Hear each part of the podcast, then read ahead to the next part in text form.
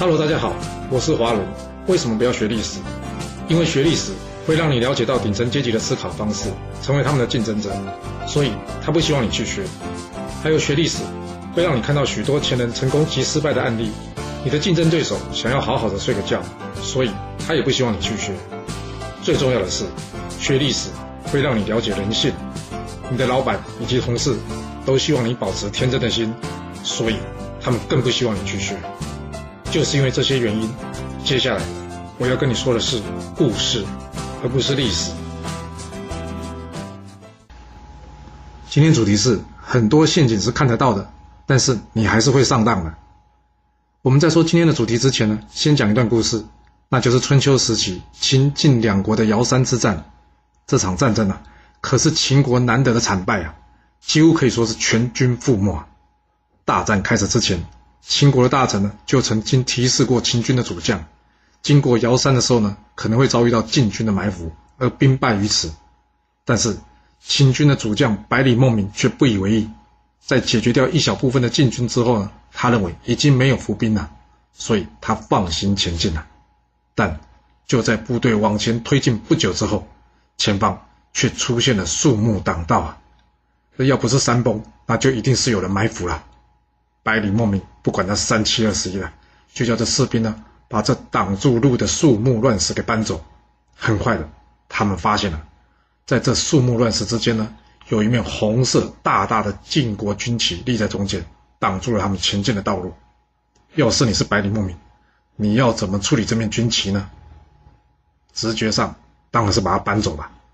加上这面敌军的军旗放在这，怎么看怎么碍眼，应该是要把它搬走。或者放倒就对了吧？但你不觉得奇怪吗？为什么晋军没事，要在这放一面大旗呢？要是你没想过这问题，接下来百里孟明遭到全军覆没的状况，就很有可能也发生在我们身上一次。这怎么说呢？因为这面大旗呢，就是晋军发动总攻击的讯号旗啊！晋军主将先轸早就告诉大家了。只要大旗倒下，那就表示秦军正在经过这里，到时候大家就全军出动，将秦军来个瓮中捉鳖。最后，果然秦军惨遭全军覆没。其实生活中也有很多陷阱啊，我们只要愿意多花一点，看得出来，却还是会上当。很大部分的原因是因为习惯。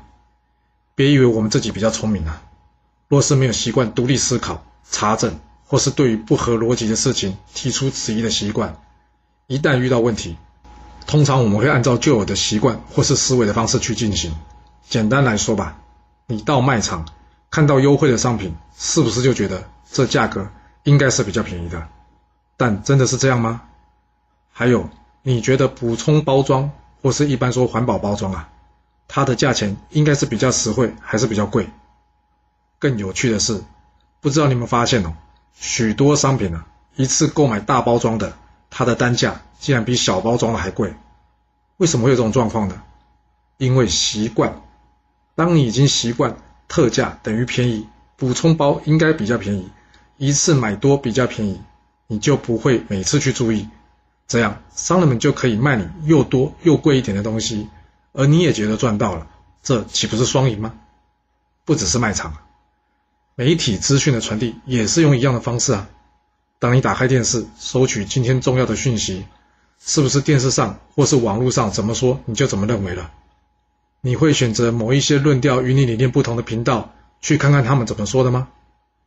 或许你会说：“哎，一天要知道事情太多了，没空。反正他们随便说说，我也姑且听之，没多在意。”没错，我们真的没有那么多时间去了解所有的话题，但。跟你有关的话题，可能就必须花点时间了解一下吧。比方说，跟你钱包、健康以及安全有关的事情。就拿最近的例子吧，从乌俄战争到美国正在进行加速升息，这升息对我的影响是什么？我们有先进行过评估吗？还有，升息的原因又是什么呢？